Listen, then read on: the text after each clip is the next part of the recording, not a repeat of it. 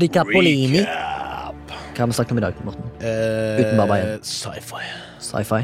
Nå har jeg snakka med han Baba om sci-fi, og jeg snakka med deg om sci-fi.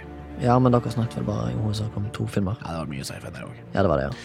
Også Men vi har snakka om eh, historien om sci-fi, da, litt ja. grann sånn rent filmatisk, og eh, hva som har forårsaka det i fortida. da. Altså liksom hvor inspirert sci-fi har vært for hele den litterære historien. Og det har vært eh, De som sier gullalderen til science fiction er 14. Mm. Altså 14 år. Ja.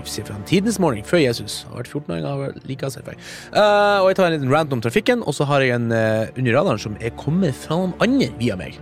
Spennende. Ja, det er jo det vi har sagt til folk. Send inn uh, hvis du har en under radaren vi skal ta opp for deg. Ja, Ja. det er jo Og det har vi gjort nå. Ha det. Ha det.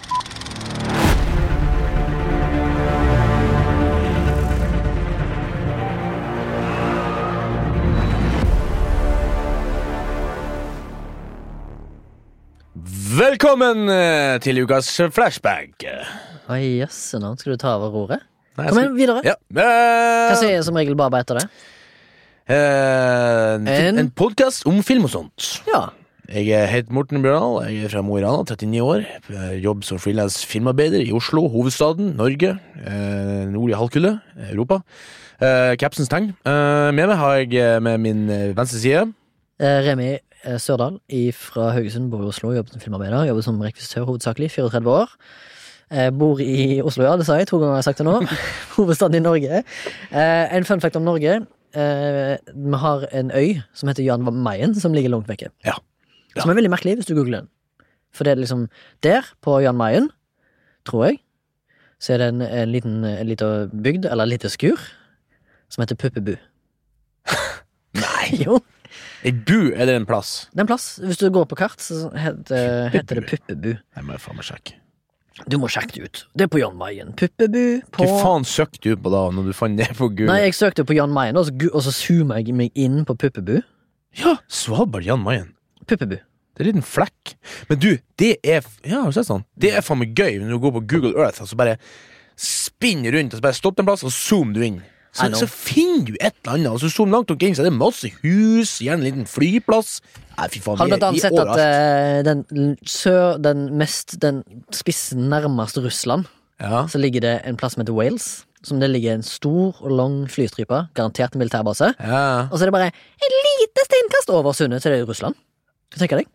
Og så i, i tillegg, så midt mellom der, det sundet der, som jeg ikke husker hva heter, så er det en liten øygruppe som heter Diomede. Og den største diomiden tilhører Russland, og så er det en liten eh, Det er akkurat som en C med en liten runding inni, ja. og den heter Little Diomid, og den tilhører USA. Kan du tenke deg?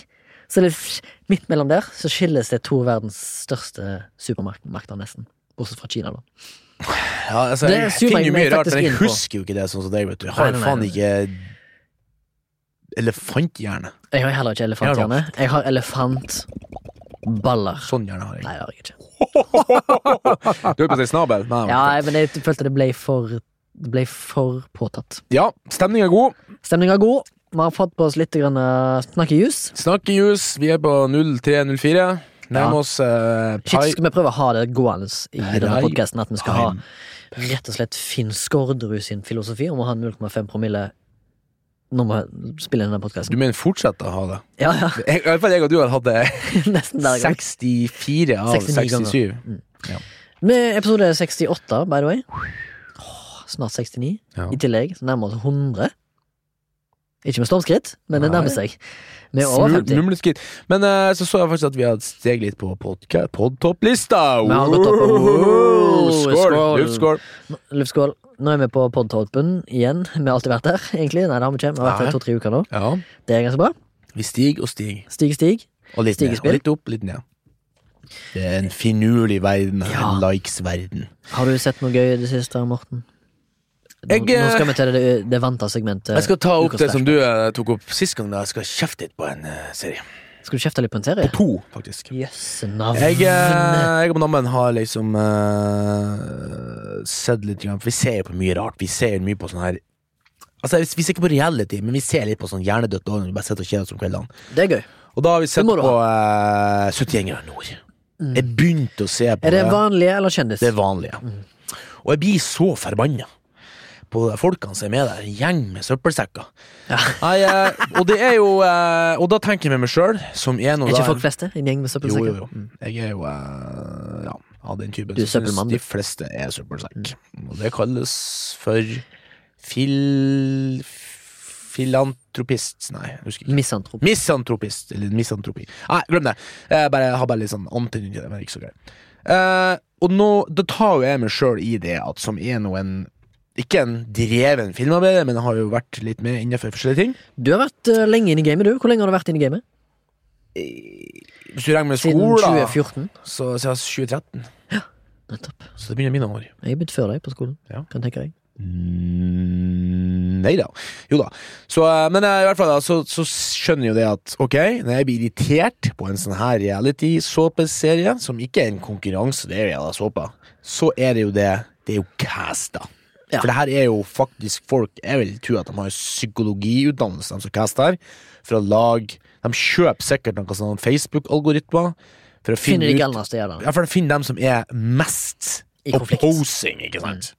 Og jeg sitter jo i TV på her, så det fungerer jo, ikke sant? Jeg er jo, jeg er jo en klump i kjøttet, jeg òg. Jeg føler ikke de pleide å gjøre det før. Nei, for 20 år ikke siden. sant? Jeg har jo sett 71 nå og tenkt sånn Det her er Norges vakreste eventyr, liksom. Der folk liksom øh, bærer hverandre opp, liksom, og skråning, og liksom er en kamp for å overleve, liksom. Og så må noen stemme ut, og da skriker de, og nå er det sånn Jeg er en lur, kynisk liten jævel! Altså, de, sitter, de, de kun sånn her Og tenker sånn Jeg vet ikke om helt om jeg liker den retninga vi går i, liksom. Vi skal vel bare hate mennesker mer og mer. Ikke, Ikke det sant? som er- Og du ser nå uh, Farmen, for at de skulle liksom klare å ta opp igjen uh, liksom, uh, De har bare da, dalt litt i popularitet, så er det mer nakenhet og mer drama. Nå liksom Annenhver gang jeg åpner en sånn her Og så hører du masse satsen så sånn i tillegg. «Ja, Nå har eh, politiet måttet inn og arrestere noen, og de har vært sendt ut, Ja. og bla, bla, så er det sånne babes som soler seg på ei brygge i traileren. Og det er jo bare Og skuespill. Det er jo bare skuespill. Det er jo manus hele veien. Altså, det er Instagram. Mye, i hvert fall. Det er Instagram. Ja, ja, ja. Det er Instagram. Instagram Uh, Og så, bare kort om den andre skulle det var den her eh, Therese. Det er en dokumentar om hun der jenta som var borte i Skal Drammen. du kjefte på den òg? Ja, litt grann faktisk, for den har fått så mye bra kritikk overalt, så den Jeg tåler så litt eh, kjeft. to episoder. Ja. Folk sa at det var sårt og trist. Jeg synes ikke. Altså, Det var var sårt og trist, men det var ikke så sårt og trist som Estonia. Nei, det er akkurat det jeg skal fram til. Og ikke, ikke bare det at det ikke var så For det må jo ikke være eh, tåredryppende vått eh, sånn Det var interessant. hver gang. Og Men- litt forløsende. vi Norge må Altså, jeg vet ikke om det bare er Norge, men vi må lære oss å klippe. Altså, dramaturgisk. Det kan ikke være att fram, att fram, att fram. Oi, sorry, bak i bordet. Passer ikke bra. Masse ulyder i bakgrunnen. Eh, at vi hopper att og fram, liksom, i- både innad i episoden og imellom episodene. Liksom, vi går fram og tilbake på informasjon og på folk og dem som det og dem som det. Liksom. Det, det er liksom ikke en Altså, det er ikke en fin dramaturgi, føler jeg. For liksom, vi får vite noe greier, og så går de videre, og så ok, det var interessant, bla, bla, og så Nei, feil, det var feil, liksom. Går tilbake på det, og så går det masse tilbake på det, og så Nei, var det feil, bla, bla, ikke sant? Men føler du ikke også litt lurt på grunn av det? Er ikke nødvendigvis bare lurt, Jeg vil bare ha de, faktaene på Jeg bordet. blir jeg. stressa og irritert. Altså, sånn, så skjønner jeg liksom, at de har lyst liksom, å lage sånn konflikt. For liksom, Noen sa at han Thomas Quick var liksom Eller han der fyren, jeg husker ikke nye navnet, men liksom Og da la han fram ganske mye sånn bevis, og det her var liksom sånne ting. Og tenker sånn, De, de tenker jo ganske rasjonelt og litt sånn stressa og nervøse, de som var der da. Og så kommer det noen sånne unge svenske sånne journalister liksom bare Nei, det var, alt de har gjort her, var feil, bla, bla. Og så ser du mm, har de sånn jævla Instagram-bilde i lamma av Thomas Quick. Liksom. Ikke de har slags grunnlag for å si det, at alt var bare kødd. Liksom. Når de ikke var der og var i situasjonen. Det, var, så, det var så påståelig, liksom. Og så går du tilbake igjen til de første, og så går du tilbake Altså, jeg vet ikke. Jeg, jeg, bare, Kjeft, kjefting. jeg ble litt sånn stressa av liksom Hvilken dokumentar dokumentarserie du heller bør se på NRK? Ja. Det er Nei. en dokumentarserie som heter Helvete. ja, det har du sagt. Mm. Om rockemusikk. Ja. Ja, eller black metal i Norge. Ja, det, det, Den tror jeg du og kjerringa hadde satt pris på. Ja, det kan hende. For der er det mer sånn litt varme folk. Eller det er litt eh, Noen av de, veld, noen av de er veldig rare, da. Men han Jørn Stubberud gjør seg godt på TV. ass Han er en fin fyr. Han uh, nekrobutcher fra Mayhem. Jeg ser heller, altså, og, og UXA. Jeg syns han uh, gjør en god rolle der. Eller en god dramaturgisk oppbygning på sine episoder. Ja. Har du sett den dokumentarserien som Ben Den dokumentarfilmen som Bendik anbefalte? Nei, om den der date-appen der. Ja. Nei. Ikke jeg heller. Den bør jeg se. Det er dårlig. Den er på, den er på NRK gratis. Det må vi gjøre. Ja. Og du? Jeg har sett en uh, serie på Netflix som folk har anbefalt meg i årevis, føler jeg. Mm, jeg har endelig tatt uh, vet til meg og sett på den. Den er helt ok. Heter Cobra Kai. Ja. Er du med? Er det sånn Karate Kid-etterfølger. Det handler da Husker? Ja, du han, han, han er voksen, ja. Ja, han er jo med, han eh, Daniel LaRusso. Ja. Eh, men det er ikke han det handler om. Det handler om Johnny Lawrence, hans erkefiende. Å ja. Eh, som en òg er blitt en god, godt voksen mann i 50-årene. ja. Ok. Eh, som eh, er, Altså, Daniel LaRusso har jo fått stor suksess. Han var jo en bullied kid som liksom vant, han overvant liksom bullies. Mm. Overvant liksom Cobra Kai, det der treningssenteret eh, som han Johnny Lawrence kom fra. Men dette her handler rett og slett om John Lawrence som er down on, his, down on the dumps. Alkoholiker. Mm. Eh, holder på Han mister jobben sin. Eh, han har liksom estranged ex-wife. Han har ikke kontakt med sønnen sin. Nei, nei. Det er litt sånn humor, da, selvfølgelig. Sånn eh, 80-tallshumor. Det er mye sånn der, eh, 80-talls power rock. Eh, ballads og eh, Litt sånn uh, Stranger Mye Things sånn Here. I am! Det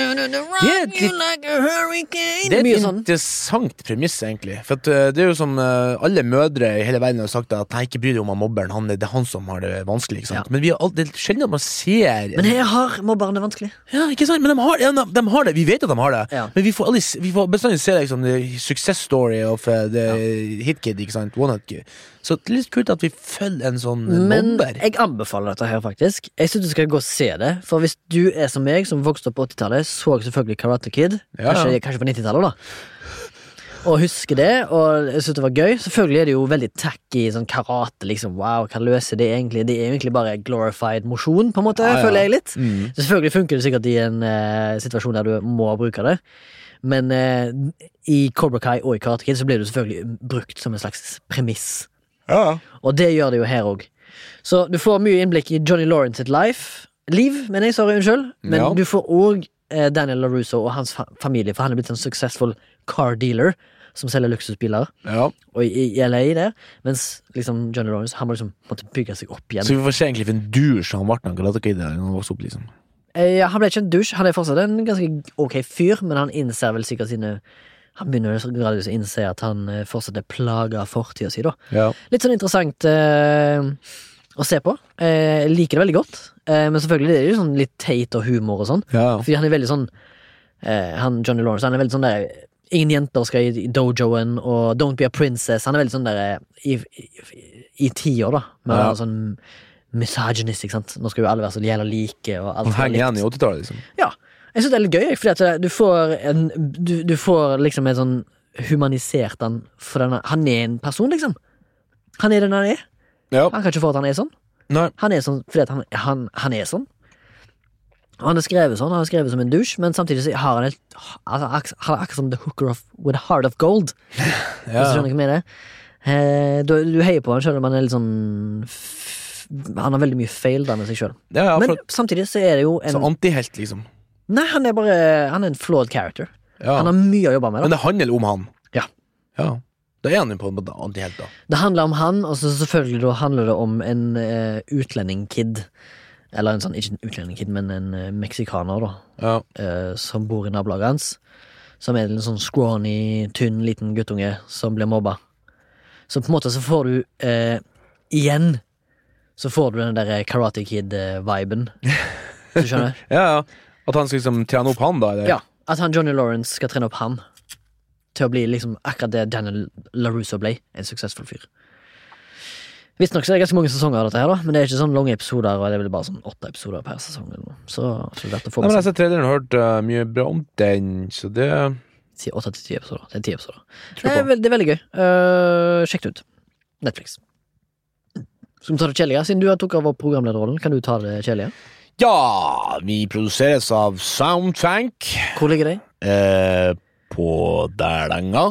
Tøgleverksgata 9A. Tøgleverksgata, rett opp ved parken. Sofienberg. eh, dere kan sende inn mail eh, på eh, flashback at soundtank.no.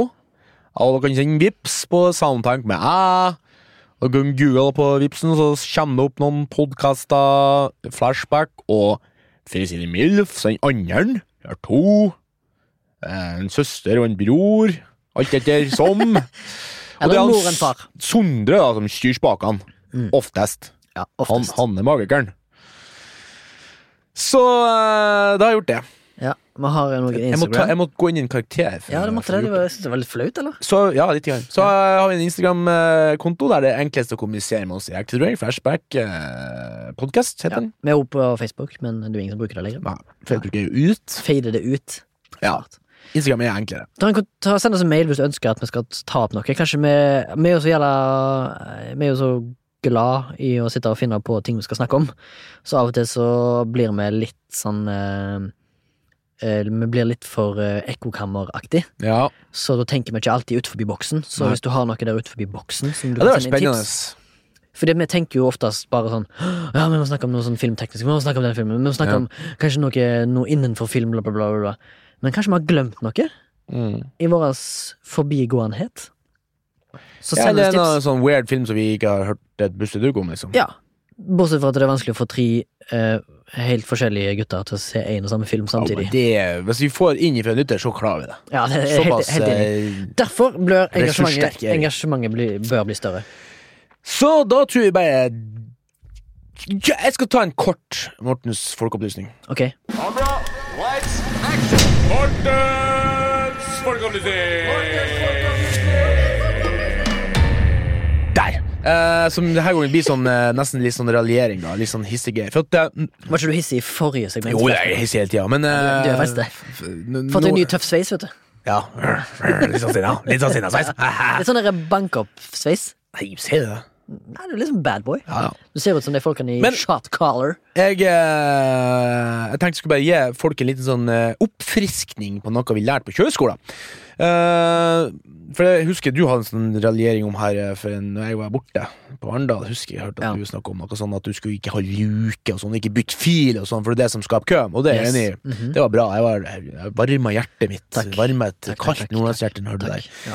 Nå var det bare full, full på der, da, at, eh, med en liten ting at eh, Og det er også i samsvar med at Og det er den lille folkeopplysningen, kanskje, da, at det er den høyeste rett nå har liksom slått ned en sånn 20 års gammel Bertha fra, fra Bærum, som sa det at At For hun eh, fikk bot og et eller annet sånt, for hun satt på telefonen da når hun var i trafikken. Og så sa de at ja, men bilen min sto i ro, han var av, liksom. For hun hadde en sånn her, og det har jeg på min bil òg. Når jeg stopper på et rødt lys eller i, på en kø, der det er stillestående kø, og jeg slipper, eh, setter han i fri eller bare trør inn eh, bremsen sånn, så stopper han. Det er sånn jævla sånn her eh, Save the World-gear, ikke sant?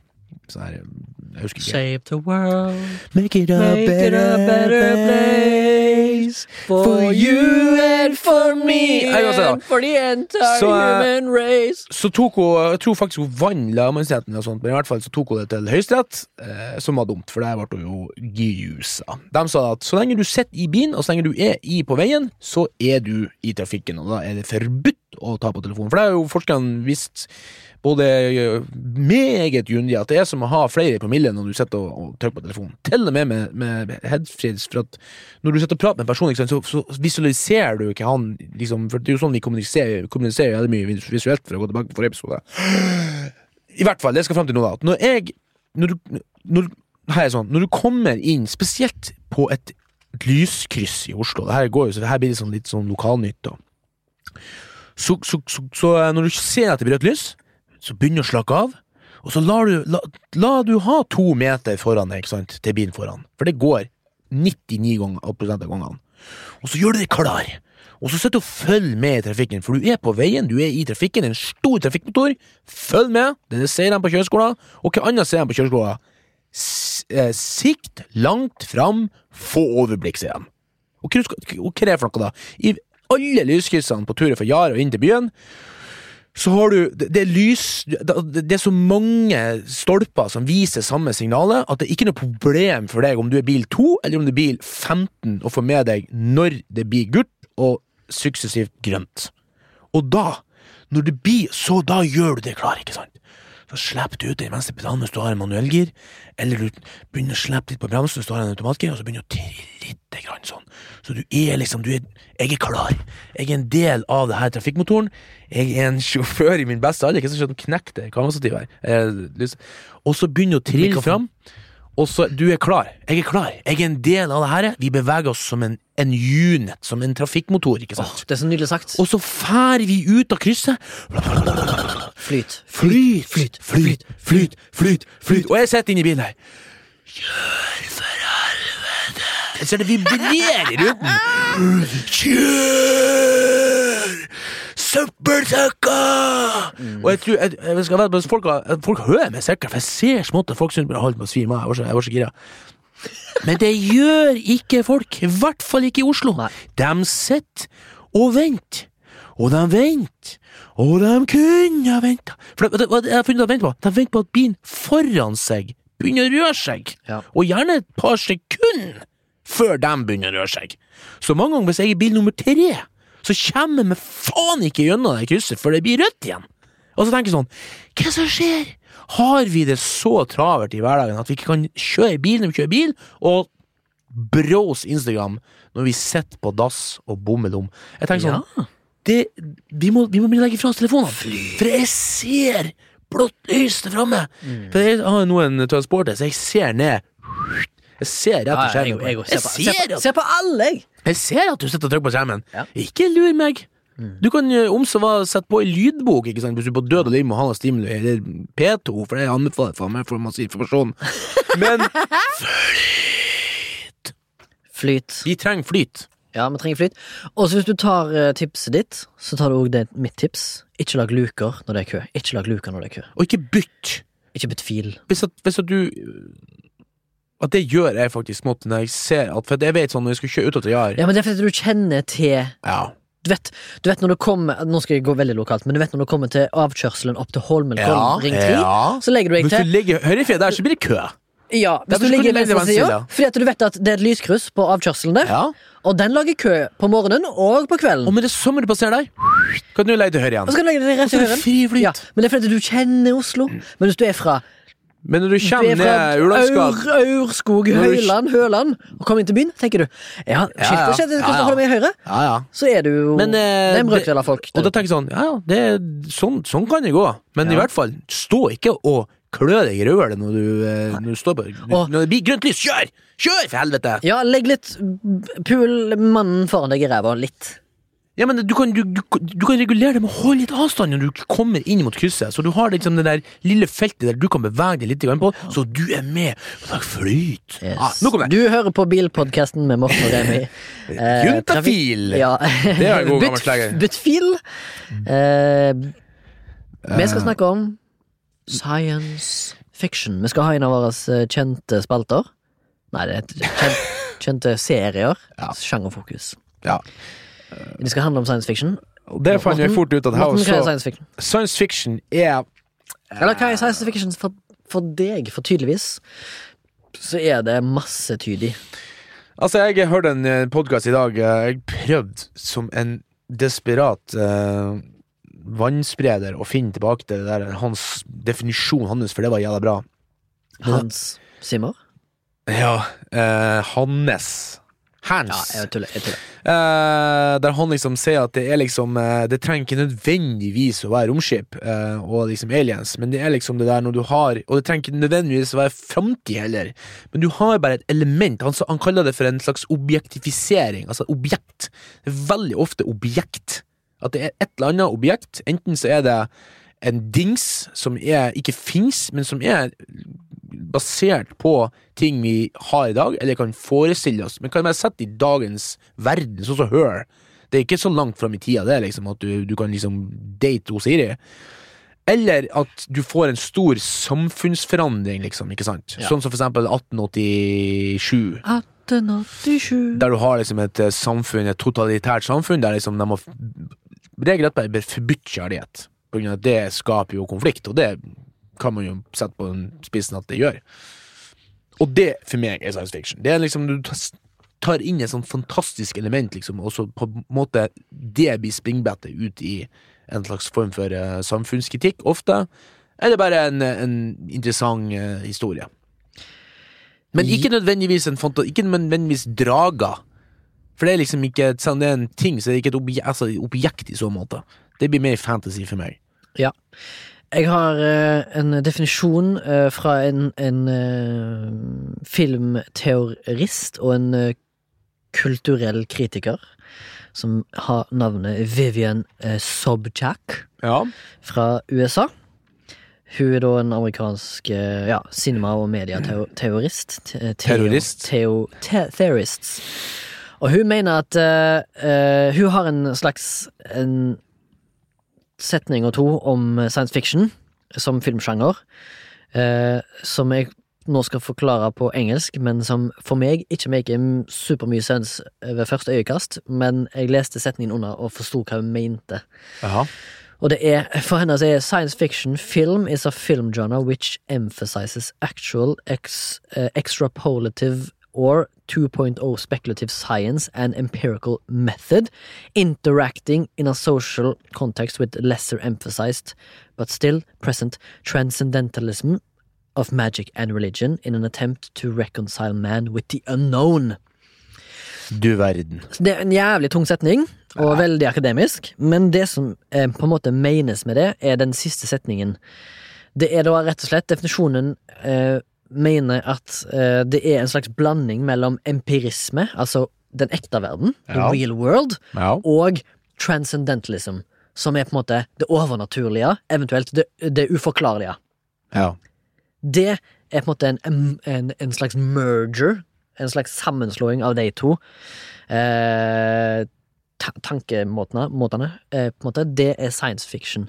Og så har hun jo eh, i tillegg eh, forsøkt å forklare det med en enkel setning, er, er at mennesker skal på en måte gjenforenes eh, med det ukjente. Eller forenes med det ukjente der ute. Altså, det er man versus et eller annet. Hvordan var det med de eh, storytelling-strukturene? Man versus Self man, man versus versus man. Man og man versus environment. Ja. Og så var det vel to til. God, var det ikke det? Ja, God 1, ja. Ja for Oxford Dictionary sier jo det at fiction, altså science fiction er new on fiction based on imagined future scientific or techno technological advanced and major social or environmental changes. Ja. ja. Ja! Og det er litt sånn sånn, hvis vi skal tilbake her nå, sånn som så Mary Shelley, Som var som var 18 år gammel og hun satt på hytta med kjæresten. Frankenstein. Ja, som kjeda seg, og så satt hun og- De var gifta. Hun var 18 år. Forferdelig gøy. 18-16, da, så lenge siden. Ja. Hun og gubben satt og kjeda seg på ei sånn kald hytte på en så, sen sommersdag, og satt de og skrev sånn spøkelseshistorie til hverandre og leste opp, da. Og da skrev hun Frankenstein, da.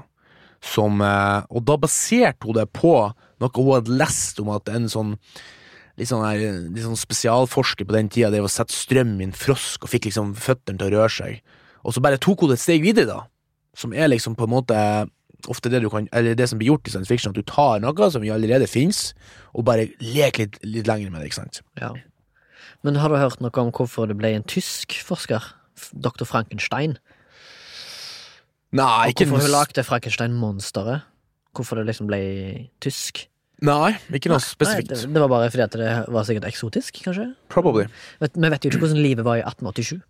Nei, også han, eh, han podcasten som jeg har hørt som Kan du name-droppe den for folk som har lyst til å høre på? det, er- The, The History of Literature. Literature eller noe sånt som jeg, jeg fant det på Jeg bare googla Sonus science fiction.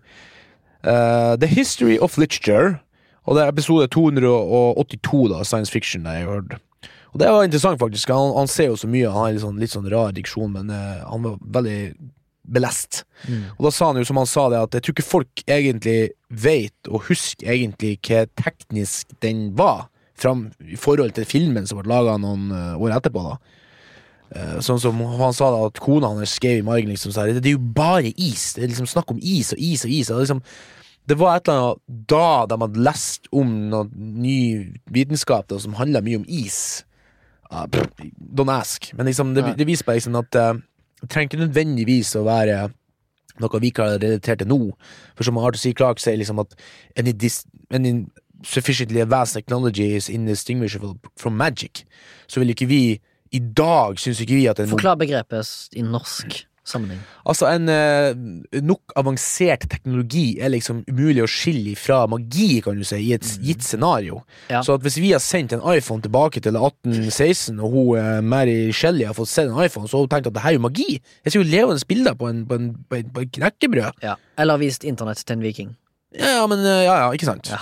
Levende, en TV, for eksempel. Han bare hugga det sund, for det var små mennesker inne, ikke sant? Ja, ja. Men for oss, ikke sant, så vi har liksom, og det er jo en progressiv utvikling det her, sånn, så vi har jo I dag så skal det være ganske avansert for at vi liksom eh, ser på det som magi.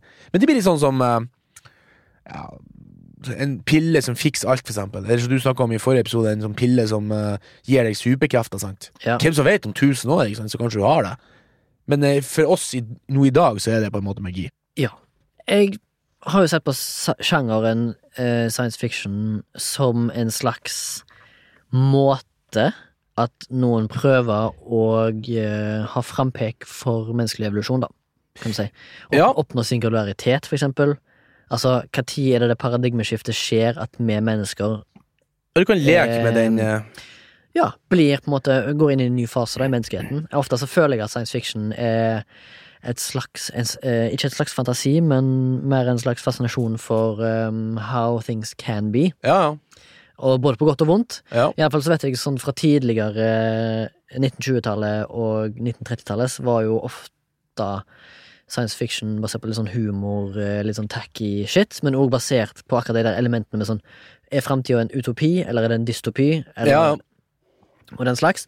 Og da føler jeg at science fiction før var basert på fram, Var framtidsretta, og hadde liksom en sånn framtidsretta visjon, mens Mm. jeg tror moderne sci-fi den dag i dag, de siste 20-30-40 årene kanskje, så er science fiction basert mer på en slags filosofi for uh, sett med re eh, regler for hvordan en skal leve i framtida. Skjønner du? ja. Jeg vil, jeg, jeg vil bare Fordi jeg, jeg føler liksom at science fiction skal sette menneskeheten på prøve med nye elementer. Ja. Og det finnes jo selvfølgelig en haug med grener innenfor sjangeren. Du kan liksom ta, ta inn så mye da innenfor det. Altså Du kan knytte fantasy, du kan knytte horror, du kan knytte romantiske filmer, du kan knytte drama inn i samme element. Altså Du kan ha en dramafilm basert på to stykker som snakker sammen på et romskip, liksom. Det, det funker, det går. Men eh, jeg vil Jeg føler nesten at liksom eh, Science fiction også veldig ofte er en slags samfunnskritikk. På det nåværende samfunnet. Ja. Forkledd. Sånn som han uh, Francis Bacon i 1626. Reflekterer et år ikke lenge siden det er. Det er liksom veldig lenge siden. Mm. Når han skrev det her New Atlantis, der han liksom for til en en øy der det var sånn fantastiske folk liksom som var så jævla akademiske og bla, bla, bla. Det var liksom på en måte en, en slags eh, En slags kritikk av da, den tidas liksom på en måte pseudo For alt var liksom Da, da hadde du liksom en lett blanding av magi Altså de, de brukte faktisk på ordentlig magi og alkemi, og de har begynt liksom å leke med liksom ekte eh, vitenskap, da. Men da var vitenskapen mer sånn Her er en blomst, han ser sånn ut. Vi kutter den opp, og så beskriver vi den så godt som vi klarer. Liksom. Det var sånn her visuell eh, kategorisering av plante- og dyreriket. Og det var, liksom veldig i startfasen, da. Så i det her eh, verden han for til, så det var selvfølgelig religion, og de var selvfølgelig gudsfrukt i alt sånt, for var, han var jo en mann av sin samtid. Men der var de også veldig opptatt av kunnskap, at det skulle være ekte, at det skulle ikke være noe Og der til og med dreit han litt ut, eh, sånn som jeg forsto det, liksom, både magi og alkymi. Det er liksom at at eh, ja, han fant liksom nye navn på det, liksom, også, at han fikk det til på ekte der. Jeg vet faen. Men i hvert fall, det, og det syns jeg er litt interessant, for vi har jo tydelige eksempel på det nå, til og med i dag, liksom. Sånn som District 9, det var jo tydelig kritikk på apartheid, og, eh, og uh, Stormship Troopers var jo et slags eh, fascistkritikk som faen ingen fikk med seg. Det var kanskje litt for skjult, liksom. Før liksom nåtid, liksom. Og uh, 1887, der liksom, som sagt, kjærlighet er forbudt. Altså, det er jo det er jo veldig ofte dystopier, men til og med liksom, eh, de mer fantastiske filmene, så er det jo på en måte en slags kritikk. Sånn som for eksempel Her. Ja, men snakket om Her siste Det, episode. det er jo ikke en dystopi, men det er også liksom en litt sånn her Annerledes framtid med litt sånn roligere. Ting er gått tilbake til litt sånn retrostil. Mye sånn treverket tilbake og Ja, og så er det liksom Jeg vet ikke om det er en kritikk kritikk av Der kanskje lekte han litt med tanken på framtida. Hva er egentlig bevissthet, og hva er egentlig kjærlighet? Ja, for der virker det som om uh, Her framstiller jo en framtid som er veldig harmonisk. Altså, ting er rolig, folk går til og fra jobb, det er nesten ingen biler igjen. Og liksom Altså, alle har et veldig sånn nøkternt li liv, da. Det er på en sam- vi samtidig så, men samtidig så er det liksom Filmen handler jo om det å være ensom selv om du har alt du trenger. Ikke sant? Ja. For det er liksom noen i framtida, når vi skal liksom automatisere alt, så ser man Ja. sånn Ja, men i framtida skal vi ikke arbeide, liksom, og robotene skal gjøre alt, og vi skal bare ligge hjemme og, konsumere. Sånn som Wall-E. Ja, ikke sant? Men hva vi skal liksom Jeg tror liksom de leker litt med tanken på hva vi skal gjøre, da, liksom. Ja. Og hva er liksom eh, Hva blir neste fronter, da? Jo, kanskje det er liksom å romantisere en, eh, en AI, eller en OS. Som er, Operativsystem. Ja, Mhm. som er litt sånn en artig tanke, egentlig. Ja, det er jo det, absolutt. Uh, men altså Det er jo et sånn uh, I don't know. Det er så Det er så et bredt spekter å dekke, dette her, Ja, for eh, du snakker om at i dag er det mer filosofi, og det tror jeg jeg er litt enig i det, sånn som for eksempel Interstellar og Og um, Blade Runner. Arrival Ja. og The Annihilation, ikke sant. Alle de treene er jo veldig, veldig filosofiske, ikke sant. Og du skjønner nesten ikke hva som skjer, men er, jeg føler ikke at de er like, li, at de ikke like mye en kritikk på, på nåtida. Og det tror jeg kanskje er litt for at, i hvert fall i den tida de ble lagd, så best, I den vestlige verden, i hvert fall, så har vi det ikke så jævlig lenger, ikke sant. Jeg føler kanskje at science fiction er den sjangeren mest som kanskje speiler litt nåtida. At den vestlige verden i hvert fall har det ok, så tør vi liksom å virkelig leke om hvordan blir det i framtida? Kan det være kulere der framme, liksom, eller la-la-la, ikke sant? Mm. Mens science fiction som kom når liksom eh, ting var dritt, den var liksom mer en kritikk av nåtida, satt i at se i framtida, så, så har de ikke sånn, i hvert fall. Og poengterer det veldig, liksom, det at eh, så- når uh, har kom, liksom, og ikke kom seg hjem igjen, Disic 9 Nå er han jo søramerikansk, han uh, Blumkamp, Sørafrikansk. Sørafrikansk, ja.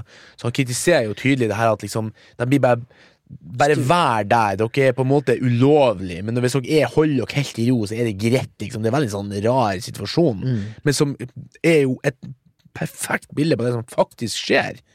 Og, og i dag ennå, faktisk. Ja, ja, absolutt. Jeg, det er en superfascinerende film. En annen film som eh, jeg syns har eh, fremma sjangeren utrolig, med tanke på iallfall grandiose temaer, er 2001 Space Odyssey av Stanley Kubrick fra Ja. 1968. Det er jo en rein Men det er også en kritikk. Ja, Han var skeptisk til liksom at Han var datamaskinene veldig skulle ta over. skeptisk Liksom. til AI, i alle fall. For hele filmen, i alle fall den der HAL 9000-delen av filmen, da. Den tredje delen, eller hva jeg skal kalle det. Ja. Den er iallfall veldig kritisk til um, hvor pragmatiske og logiske sånne maskiner kan bli. De fleste For, filmene der det er en datamaskin, er jo datamaskin bad. Og det snakka jeg om Pabo om litt i det her um, Mother-episoden for uh, 20-30 episoder siden, jeg husker ikke.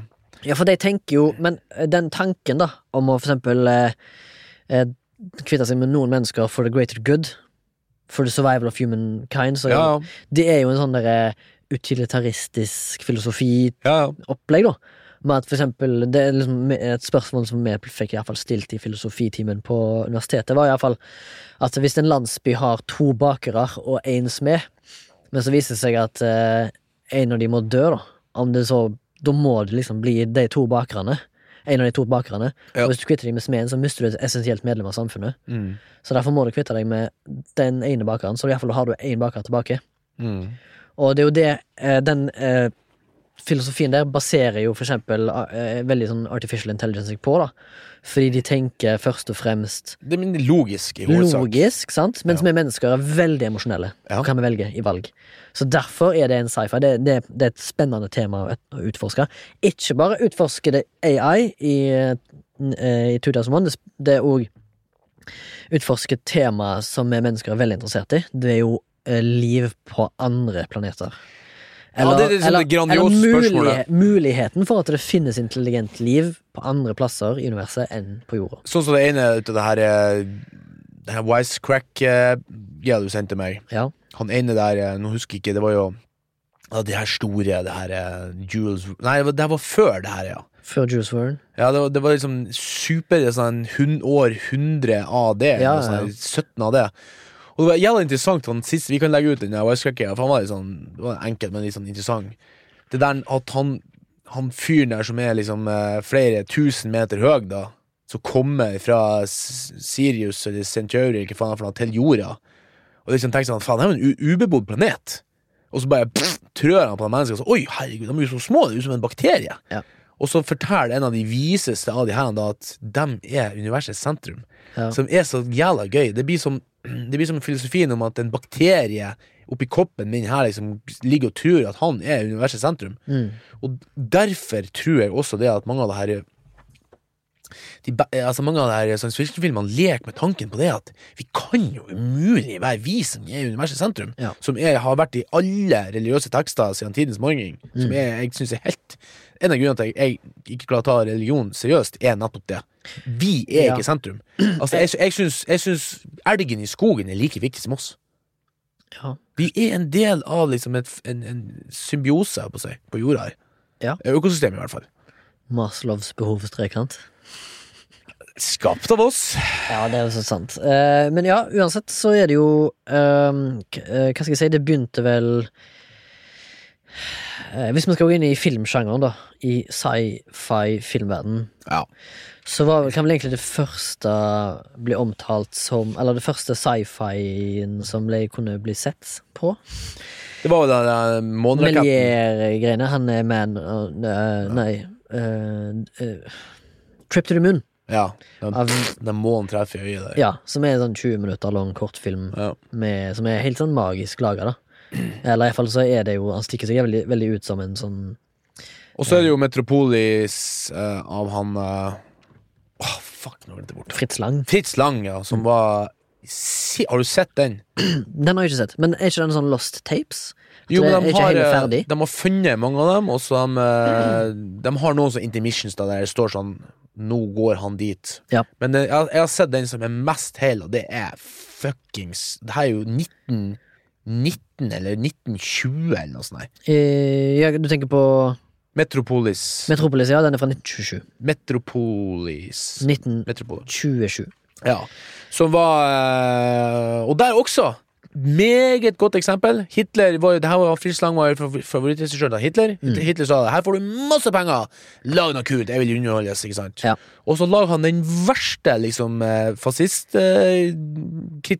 ever, liksom. Ja. Se hvor jævlig det er å bo i et fascist. Så han laga filmen, og på premieredagen han Hitler og han Göring og hele gjengen satt der på første rad, så rømte han til USA, han eh, Fritz Lang. Mm. Og resten av historien, det, helt, det, det, det må du se. Han er fantastisk. Du vil ikke tro at han er så gammel, den filmen der. Det er jo fuckings Arthur Ditu eh, Nei, Ja. C3PO i Og uh, når du snakker om uh, historie og science fiction, så er det jo sånn at jeg, før jeg begynte på filmskole, da Når jeg bestemte meg for at jeg skulle begynne på filmskole, det her var jo 2012, 11-12 da, så begynte jeg å For jeg har jo bestandig vært veldig fascinert av science fiction helt siden Star Wars da jeg var ti. Og det har jeg sagt tusen ganger før. Så jeg begynte å tenke sånn Jeg skal faen meg gå, komme til bunns i det her. liksom Jeg skal forberede meg litt til jeg begynner på skolen. Så da begynte jeg å google og så søke på de første, da. Og da fant jeg Metropolis, kjøpte den, så den. Oh, blown away.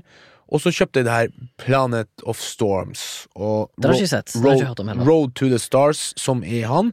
Pavel Pavel Klusjantsev. Okay. Som er han her eh, russiske magikeren som jeg er så gira på. Er det han som er liksom som, sett på som en sånn slags gudfar innen science fiction? Ja, jeg, Men sånn, han er veldig sånn ukjent og Ja. liksom undermined. ja, for jeg skulle jo ha han her som uh, Mortens folkeopplysning et eller annet gang, og så hadde jeg forberedt meg som faen, men så bare falt alt i fisk. Fikk ikke til. Og nå Men Når var det han her sto på full vift? Ja, altså, Rådhus Stars laga han i 1957, Mm. så han er ganske tidlig ute. Og jeg eh, begynte å google og tenkte skulle finne ut om han, og skulle finne en sånn eh, dokumentarfilm om han da som heter Star Dreamer. Men jeg fant bare sånn snippets på YouTube som er liksom oversatt fra russisk. Så det ble vanskelig. Jeg fant han i heiling på russisk på YouTube, men jeg kan, jeg kan ikke se det. Fra 2002, da, en dokumentar. Og eh, alle sammen som skrev under bare at her må folk se. Den er så viktig. Men uh, finner den ikke. Mm. Klikk!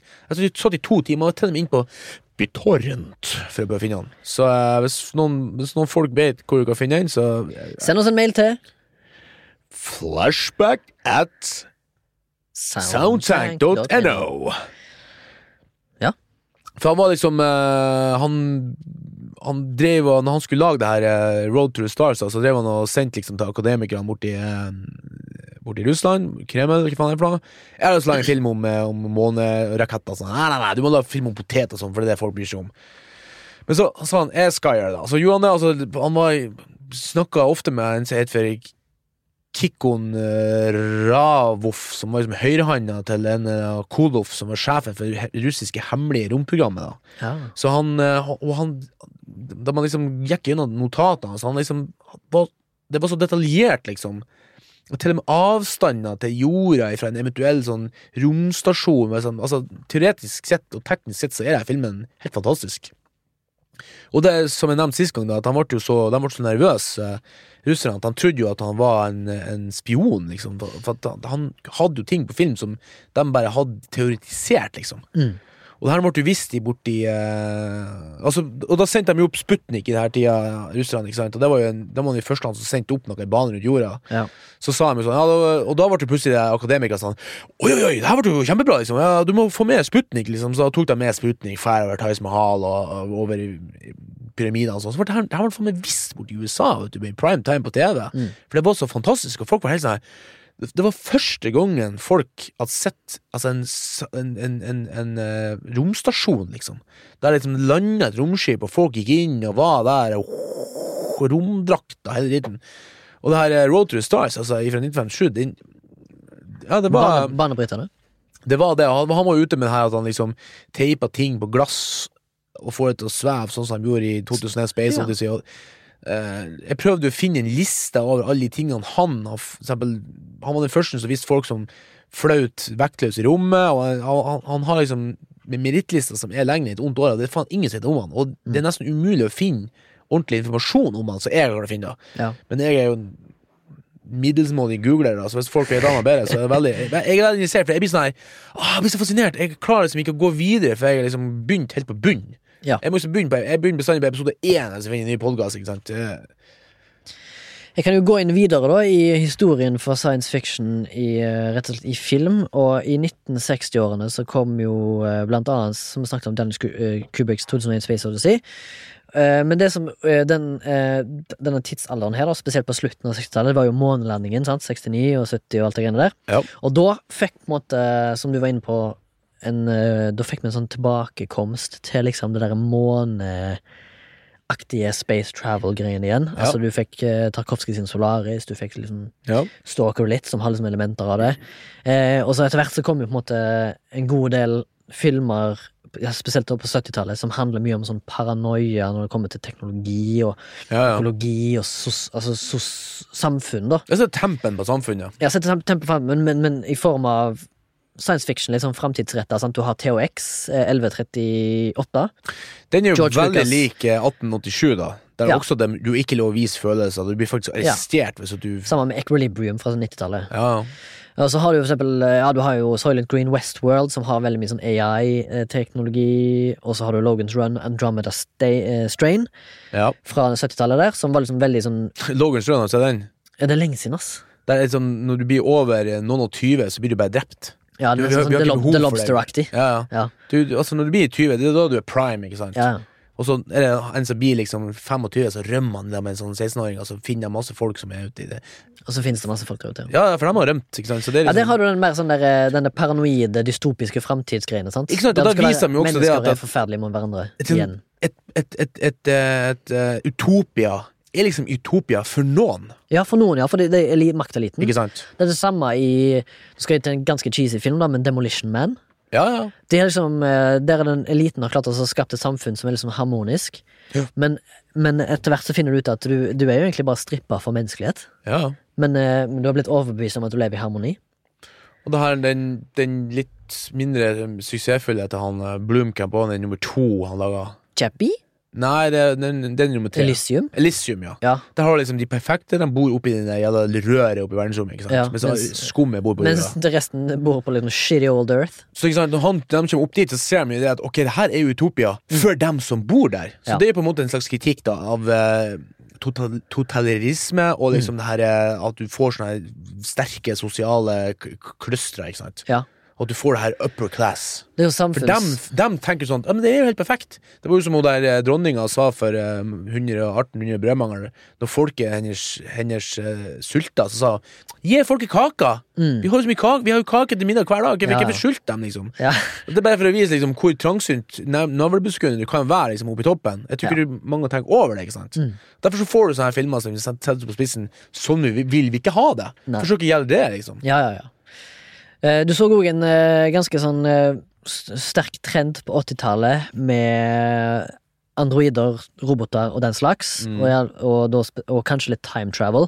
Du har Ja. The Terminator, du har Back to the Future, Yep. som er en sånn kom komedie, og du har jo sånn robot uh, Overlords Robocop, som er en veldig sånn satirisk film, basert på at uh, loven er overalt, og at liksom Det er sånn Judge Dredd-aktig. Jo, men det er sånn liksom, totalerisme, da. Liksom at, uh... ja, totalerisme. Ja. Uansett hvilket crime du begir deg ut på, så er du et skum, liksom. Mm. Det er liksom sånn enten eller. Det, det er ingen du blir ikke, Mennesker blir ikke sett på som uh, menneskelig for valgene de gjør. De blir sett på som avskum hvis de bare begår kriminalitet. sant? Og Ja. setter du Robocop til å utføre jobben. Men så viser det seg at selvfølgelig er jo Alt handler jo om penger. og så- det, altså, Robocop, The Terminator og Back to the Future har på en måte litt sånn De går litt på det samme tematikken. Mye av det samme. Ja, det gjør jo egentlig mye av De har kanskje ikke så dyp filosofi, Nei, de men, har, men de har, jeg har jo elementer av det man vil kalle science fiction. liksom Ja, det har de absolutt, men så det har de jo òg en annen fellesnevner som ikke vi har nevnt ennå. De eh, er en av de mest innbringende sjangrene på 80-tallet, som tjente mest penger. Terminator 2, blant annet, var jo en av de Ja. største suksessene på kino. Robocop Back to the Future var veldig stor suksess. Og i tillegg så har du jo Alien og Aliens, 80-tallet. ja. Alien er jo på De har ikke noe 70-tallet. suksess. Nei, Og men ikke eh, Blade Runner heller. de var kritikere hos det. Nei, de var vel litt sånn De ville kanskje gi det i retroaktivt, har de blitt eh, erklært det, kanskje. Blade Runner var iallfall både kritiker eh, Litt sånn uh, roasta, og faktisk dårlige besøkstall i- den tida. da. Jeg tror ikke den tok av ordentlig før 90-tallet, altså. Mm. selv om man kom på 70-tallet, liksom. Ja. Eller var det, var det, seks, var det før På, på hva? Blade Runner? Blade Runner var 80-tallet? 82? Eller tenker du på boka? Nei, filmen Blade Runner. Nei, ikke 80, det var, det var Blade Runner 82? Var det det? Nei! Jo, Nei! jo det var det vel. Skal vi være eh, 100 sikre, skal jeg google det. Nei, det tror jeg ikke. Du tror ikke at det var 82? Blade Runner released uh, June uh, 25th, 1982. Psj, var det så eh, sent? Stemmer det? Faen, der bomma jeg meg skikkelig ut, altså. Men jeg tror boka er Men vel Alien, da? Alien er fra 79? Er ikke den 79? Ja, 100 sikker på den. 79. den er 79. 79, ja. Ja. Mm. Den den, jo- den satt jo en benchmark for gritty voksen, og den Og det må jeg anbefale folk, og det må jeg anbefale deg. Mhm. Dokumentarfilmene rundt Alien og Blade Runner er Nesten bedre filmer. sin... Ja, men det, de er Oscar-vinnere. De er Oscar-vinnere. Ja. Det er helt sinnssykt. Mm. Og Alien er jo en time, eller to timer lang, og det, jeg tror det er tolv timer, eller ikke hva for noe jeg sa, med dokumentar. Mm. Det er helt sinnssykt godt dokumentert, den filmen der. Ja. Og da var det jo sånn at den var jo egentlig skulle bli en sånn B-film, sånn gritty shit, for da var det liksom Da hadde det kommet ut så masse uh, piss. Sånn her Oh, Rob kill the Robison family. Sånn, det her TV-serien og Planet Space from Outer Nine og Mm. altså, sånn dritfilmer da, som var liksom Det var liksom ikke noe filosofi, det var ikke noe budsjett, det var Ja. bare slips, slapstick. Og det produksjonsselskapene så at liksom interessen for science fiction var dalende. Ja. Så de sa sånn, dere får noen tusen kroner her, det er her er ikke noe vi gidder å satse på. Ja. Men så kom Star Wars ut i 77, og så ble det en liten whoop, oppsving, og da ville de plutselig ha det litt bedre. Men de ville ikke bruke så mye penger fortsatt. Derfor så fikk de over han Ridley Scott fra England, for han var liksom en ung up and coming-fyr som var billig. Men han gjorde reklame, hovedsakelig. Han altså broren. Ja, men han, han har laga en film som heter for uh, The Duelist eller noe sånt før Ja, den tid. The her- Duel. Ja, The Duel Nei, med ja. sånne her eh, Stemmer det. muskedunderpistoler og sånt. Jeg har ikke sett den, har bare lest, jeg så den dokumentaren da, som jeg må se på nytt. er helt fantastisk. Der får du se Hvis du finner ut hva han heter, så må vi linke han til han i Shoe Newts. den dokumentaren om eh, aliens. Ja. ja, ja. ja. Du finner sikkert ut hva den heter. Ja, det skal jeg finne ut. Eh, Det er noe sånn The Beast eller noe sånt. The Creating the Beast eller noe sånt. Ja.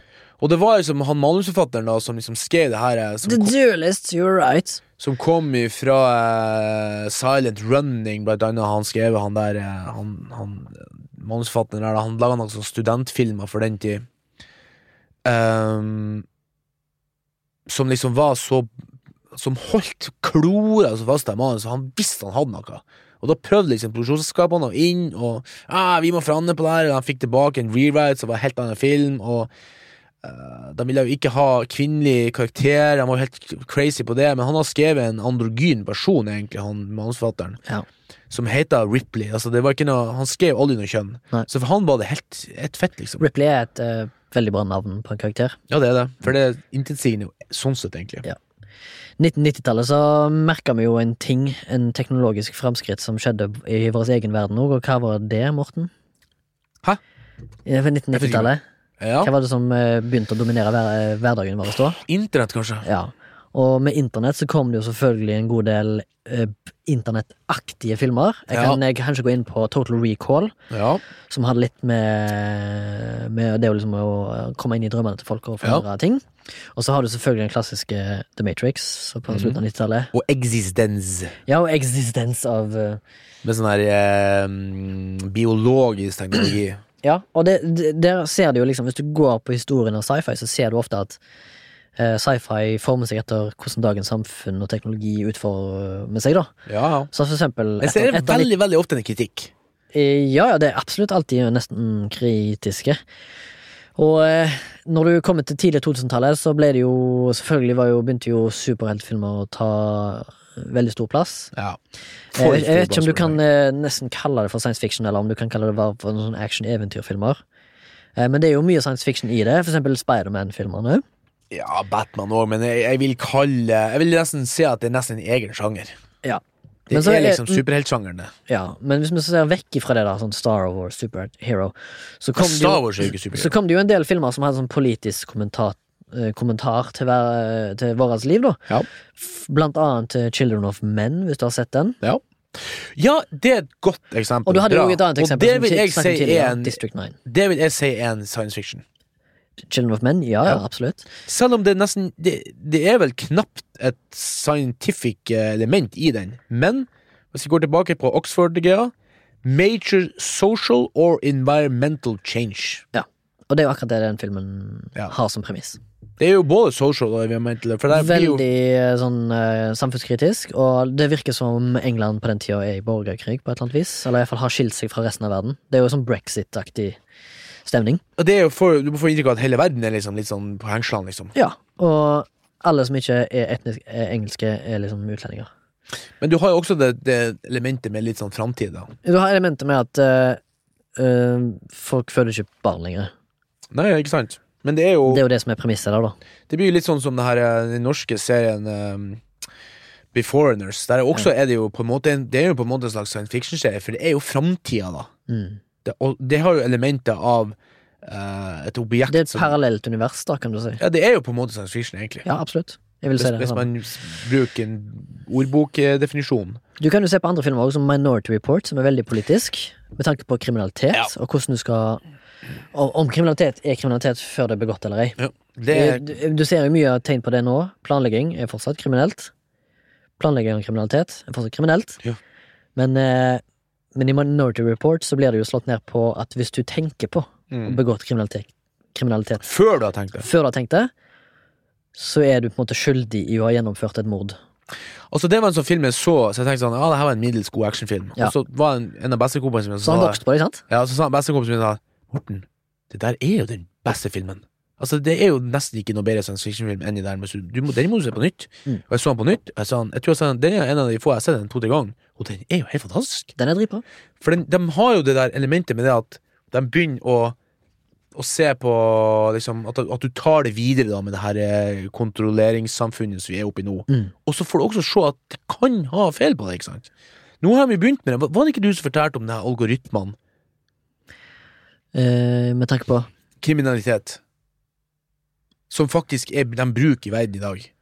Nei, Altså, de, har, de bruker algoritmer og statistikk. Så, sånn at politiet får opp en sånn her eh, prognose på hvor henne det er størst teoretisk sannsynlighet for at det blir bråk på en hvilken som helst kveld. Ja. For store datamaskiner, sånn som i England og Amerika, så står de og regner på hva som har skjedd. Om det har vært fotballkamp, om det har vært varmt, om det har vært eh, nedbør, Ja, bla, bla, bla. ja, ja, Og så får de sånn en sånn rød sånn blob, ikke sant. Og da, da sier de sånn Ok, nå kjører vi 40% av styrken dit. Jeg vet at det, datamaskinen sier at her blir det bråk. Og det, det er nesten så at det, det Eller det fungerer. For de er der, altså Å, har vært det bråk! Og så stopper de det. ja, jeg vet at jeg har hørt det i, som det et på sitat måte- på flere filmer jeg har sett, at eh, for eksempel i USA, da, hvis det er Monday Night Football, så er det for eksempel størst sjanse for domestic violence. Ikke sant? Men nå har de begynt med, med datamaskinen som regner ut der. Ja, det er jo litt skummelt igjen. Det blir jo Ja, det er jo Det er første steg til Minority Report, egentlig. Ja, si. basically, egentlig. Selv om du har det fantastiske elementet der med liksom sånn framseere da, som vi ikke har. Men det, du kan jo se sånn at tatt ut av den sammenhengen inn i vår tid, da, så er jo en AI da på en måte det her framseeren, da. Mm. Som er en sånn superentitet som bare klarer å regne så mye og så fort at du på en måte kan regne seg fram til eh, framtidselement. Ja. Eller framtidssituasjoner. Ja, ja. Og det er jo skummelt, for at liksom Hva han baserer det på? Altså, vi, da, da kjenner du inn på det her med fri vilje. Sånn. Har vi egentlig fri vilje hvis at en datamaskin vet hva, hva vi skal gjøre om, no, om noen timer eller noen Ja, ja, det er jo skummelt. Det er jo. Men det er spennende! Ja, absolutt. I et filmperspektiv. Ja. Ja. Men i et ekte liv, at det kan eh, påvirke meg, det synes jeg ikke er så særlig. Akkurat i dag så For er det min, min største frykt er jo for eksempel eh, at eh, thought crime skal bli implementert. Som i Minority Report. Hvis du, hvis du har tenkt på for eksempel å drepe sjefen din, så blir du arrestert. Å herregud, jeg har vært arrestert i hver rushtrafikk, da.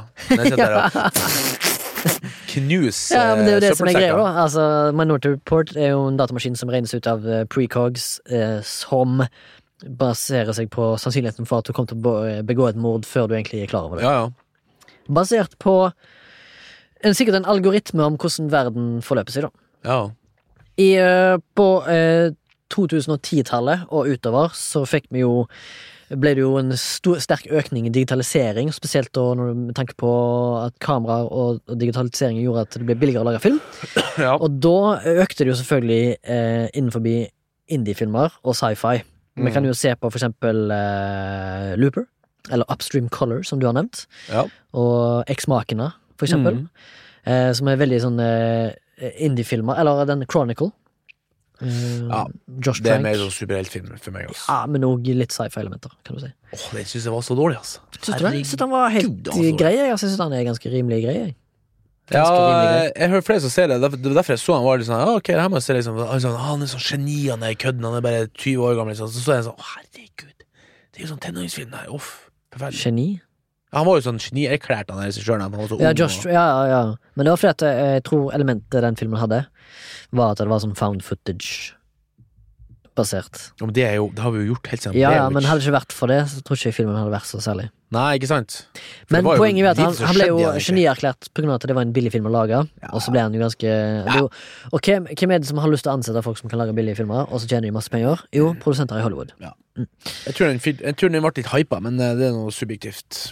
Men eh, vi kan iallfall se det har vært en trend nå de siste ti årene å lage sci-fi-filmer på billigere penger enn det som er vanligvis. Fordi at eh, det som er med i alle fall episke filmer, Mm. er at de har et stort visuelt effektbudsjett, kan du si. Ja. Og det krever mye penger å lage et helt univers der ting allerede ikke eksisterer i verden.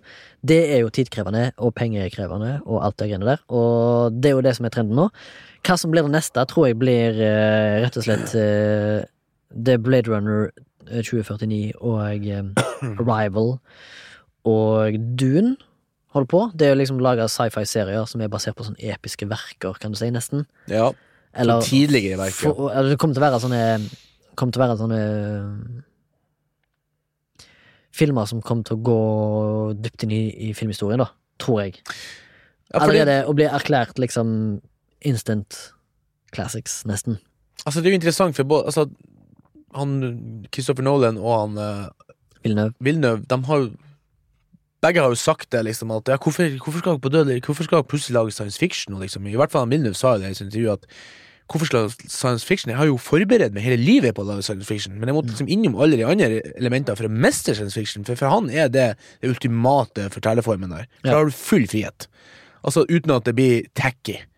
Eller Ja, det kan du jo si. eh, Du kan jo lage tacky science fiction, men altså, du må liksom ha drama, du må liksom ha humor, du må liksom ha alle elementene inne i den siste. For, at, for han var i hvert fall det liksom sånn den siste, da. Og du ser også på Nolan. Han har jo gått nå innom alt mulig greier, og nå har han jo laga flere science fiction på, på rappen. Og litt sånn, tids, sånn historisk, men det er jo egentlig også ganske vanskelig sånn krigsgreier. Mm. Og sammen med han eh, Jeg tror ikke det er nytt fenomen, for hvis du går helt tilbake til han Tar- Tar- Tarkovskij, Ja. så lager han også science fiction. Han sa jo sjøl at han han, han, var, han så ikke seg sjøl som en science fiction-forfatter. Han, altså han, så ikke, han så egentlig ikke på verken Stalker eller eh, Solaris som science fiction. Men han hadde veldig sånn rar syn på ting, da. Men han bare, han bare brukte de elementene for å kunne fortelle akkurat Eller fortelle, stort nok, da. For at eh, på de andre filmene, Sacrifice og, og det her, så var det mer sånn inter, internal. Liksom. Men så Ja. skulle han gå større bilder. da var, liksom, da var science fiction-sjangeren det han måtte bruke for å kunne liksom, gå nok stort, da. Nok eh, ekstravagant. Som er interessant, syns jeg. Vi kunne sikkert snakket hull hold i hodet på lytteren om science fiction, Fordi vi har, nå har vi bare vært innom sånn generell historie og det blir sånn- film. Det blir litt sånn fam famlende, for det er så spennende, så jeg blir så gira. Så jeg tror liksom eh, Men uh, Men vi kommer tilbake. Vi kommer tilbake eh, til det, og jeg tipper kanskje Jeg har vel et håp om at i framtida så kan norske filmskapere òg eh, ende opp på en sånn slags Tarkovskij, Villeneuve, eh, Ridley Scott-aktig bølge om at de kan lage filmer som NFI syns det er verdige å støtte, men med en eh, science fiction-basert bakgrunn eller premiss. Men forteller menneskelige historier, for det er jo det folk er opptatt av. Så jeg håper at noen kaster penger på noen som lager noe Altså, jeg, futuristisk, da. jeg gir meg ikke i filmbransjen før jeg har laga science fiction. Eller vært med å lage. For jeg har, nå har jeg bygga så mye jeg greier fra helt tilbake til 1900-tallet, Mm. men jeg har ikke bygd noe framover. Nei. Så jeg skal bygge et romskip en vakker dag i litt sånn big budget. Det er bra. Det er min drøm. Jeg håper vi har vært uh, informativ uh, på sci-fi-sjangeren, og eventuelt vært iallfall innom en del uh, tematikk, bildestil og visuelle stilarter. Innen, eller kanskje vi ikke har vært inne så mye på visuelt fortellerteknikk innen sci-fi, der de forteller med my mye grandiose bilder, kan du si. Eh, men eh, vi kan jo komme tilbake til det i et eh, segment som kanskje vi kan kalle for del to. Dette ble vel en del vel, Vi har vel en del eh, del to Det blir en del to. ja, kan du si. Jeg håper jeg litt, jeg håper jeg har vært litt konsis òg, i og med at jeg dissa en sånn ukonsis eh, dokumentar i starten. Ja, ja, men absolutt. Men eh, vi tar tilbake alt i ros og ris og whatnot. Vi kan jo eh, legge denne ballen død for denne episoden, og så kan vi jo bevege oss inn i under radaren. Og Morten, i dag har du med deg en eh, film eller et eller annet du har lyst til å sette en spotlys, spotlys på? Spotlight på? Tusen takk. Uh, jeg, I dag skal jeg gjøre noe litt radical. Men jeg skal anbefale en dokumentar som jeg ennå ikke har sett. Nettopp. Men min uh, eminente sjef, uh, Tord Torden, snekkersjefen, han har anbefalt det her nå opptil flere ganger. Ja. Og der føler jeg at jeg stoler såpass på han at eh, jeg gleder meg til å se det her. Han vet hva han snakker om, de, eh, det er ingen tvil. Uh, som het Det er Netflix originaldokumentar som kom i år, uh, som het My Octopus Teacher. Nettopp. Som, Den har jeg sett stå på Netflix, ja. som uh, handler om Som er en fyr som heter Pippa Erlich. Eh, og James Reed, som har uh, regissert. Som handler om en filmskaper som heter Craig Foster. Som liksom bare tar seg et år pause. Uh, han er jo sånn livsleie, eller hva faen det var jeg husker ikke akkurat hva han sa. Han Torden! Uh, men så dykker han hver dag. Han bestemmer seg for å få en sånn vill idé om at han skal mm. han, han dykker ned i sånn kaldt vann, nesten litt sånn her uh, Iceman, uh, Wim Hof-gear. Men han dykker ned uten dykkeutstyr, bare med snorkel og uten noe sånn beskyttelse. Litt sånn kaldt vann. Og så ser han blir han så fascinert av sånne her eh, blekkspruter. Det er jo ganske smart, har jeg hørt. Så små jævler som er sånn veldig spesielle, ikke sant. Og han blir så fascinert av det kan han at han bestemmer seg nå skal jeg teste ut hvis jeg dytter ned til det her samme plassen her hver dag et helt år. Og da blir han jo eh, Jeg har sett at noen gang uh, heter den også My Octopus Friend, eller noe sånt. Mhm. Etter den filmen heter det? Ja, men uh, han heter The Octopus Teacher da på My eller de? My Octopus Teacher på, på, dokument, på Netflix. Det er en dokumentar, da. Ja. Men så ser han, tror at den har liksom uh, liksom, sånn, Det er en fin dramaturgi, da, for det er liksom sånn, litt sånn dramatikk og, og sorg og glede. Liksom. Det, det, det er noen haier inni der. Jeg har ikke sett den, men jeg gleder meg som faen. For det er typisk sånn søndagsfilm, litt Mm. sånn hangover. Det er sånn David Attenborough! Mm. For du får liksom trua igjen på menneskeheten og på livet og på hele driten ifølge han Tordal når du ser den. For liksom, det er så fint å se liksom at to arter kan liksom uh, finne hverandre, liksom. To vilt forskjellige arter, vil jeg tørre å påstå. Blekksprut og menneske, liksom. Så For de blir liksom på en måte venner, da. Ja, ok. Ja, men det er jo ikke det Nei, jeg gleder meg altså, det Ja. Det var jo en eh, slags eh, under radaren uh, by proxy. Ja. Altså han er via noen andre. Ja. Fett. Men for, bare for å få litt sånn fresh blod inn her, så fant jeg ut at det her var en eh, Ja. For det som du sier, at vi skal ikke bli sånn her uh, ekkokammer ennå. Nei, det er sant, det. Vi Og nå har jeg drevet og, og, og hatt sånne her anbefalt sånne ting som liksom jeg nesten sjøl ikke finner lenger. Liksom. og Det er litt dumt, har jeg funnet ut. Så jeg skal prøve å finne ting som kan finnes. Ja, akkurat sånn som jeg gjorde sist. At vi tok en ting som er på Netflix, som nesten jeg føler alle har. Ja, for jeg, forrige gang der Ikke at jeg altså, støtter Netflix, jeg, D- Nightwatch. Som, Ja, eh, Hvor fant vi den? Fant vi ikke den noen plass? Nei, jeg sjekka, jeg tror du kan få ledd den på iTunes og sånt ennå. Eller så har jeg den, så hvis at noen vil ha den, så bare kan jeg leie den ut. Send en mail til flashback at soundtact.no. Spør kan jeg låne Nightwatch av deg på DVD, Ja. og så får du det. Sender den med ekstra frimerker. Jeg skal være skikkelig gøy. Kan du sende den tilbake igjen? Ja. Du sender med frimerker i, i posen. Ja. Fett. Ja, det høres ut som en bra ting. Leie ut filmer som ikke er tilgjengelige ellers. Ja, ja. Altså, Fett. Da kan jeg eh, da, Jeg leter etter en film som jeg ikke får kjøpt på Blu-ray som heter um, Koniskatski! Nei. Den skal du se nå. eh, Skal jeg det? Det har du sagt. Ja vel. Husker du ikke jeg hadde den her framleggelsen den? Var så fantastisk. Jeg fikk jo helt eh, Jo, jo, Kojani jo braingasm av den jern. Men jeg er på jakt etter en eh, Blu-ray, eller en film da, som jeg ikke har som jeg har lyst til å se, som heter Night of the Hunter fra um, 1955. Night of the Hunter! Som er en sånn eh, Criterion Collection-film. da Jeg ser at platekompaniet selger den for nesten 500 spenn. Oh. Og akkurat nå eh, så føler jeg at jeg har sprengt mitt Blu-ray-budsjett i og med at jeg kjøpte eh, Blade Runner eh, Blu-ray til 900 spenn. så jeg kan liksom ikke Ja, men det er noen som har den ute i garda. Ja, jeg tipper det er noen som har den. For det er iallfall en film jeg har lyst til å se, som jeg har hørt at skal være jævlig, jævlig fet. Fra 1955. Det er jo en skrekkfilm. Slash uh, Evil versus Good-aktig, en haunting-aktig film, da. Faen, vi skulle starte en slags sånn leiegruppa. Ja. Leiehub. Det er sånn Netflix starta. Nei, men At vi driver og deler At vi, at vi, at vi går i hop med sånne Ja. transportfirmaer. Altså. Filmsirkelen. Filmsirkelen. Det var fett. Kanskje jeg låner Nightwatch av deg og deg, uh, får, deg, får deg til å sende et brev til meg? Det er hyggelig. Bare for å få liv i posten. Brevpost er jo Ja. Men du! Helt på tampen. Ja. Det er det største paradokset jeg vet. Okay. At, at, postvesenet sier at de må legge ned for at det er ingen som sender post lenger. Mm. Og så sier butikkene at de må legge ned for alle sammen bestiller ting på nett. Ja, det er paradoks. Men det er jo sånn Post Nord, FedEx, UPS Ja, Men det er jo konkurranse, det er perfekt. Ja, må bare Ring. ansette flere folk. Ja, absolutt. Jeg òg. Selv om jeg sikkert var bedriten til å være l- bare springe rundt og levere til ting Eller til folk da i Oslo. Det er jo faen ikke parkering å få hvis du har en stor bil. Du går. Nei, men ikke når du har Du sånn, eh, vi, vi, vi, Hvis du kommer inn på sentralen der, og så skal du hente 96 pakker som skal til 49 stykker i hele Oslo, og så kommer du med sånn svær doning av en bil, og så kommer du ned av de trange gatene, det er dobbeltparkert på begge sider, bla, bla, bla. Så står du der, da. Ja. Nå må du ha drone som skal leve, da. Nei, fuck det. Takk for oss. Takk for oss.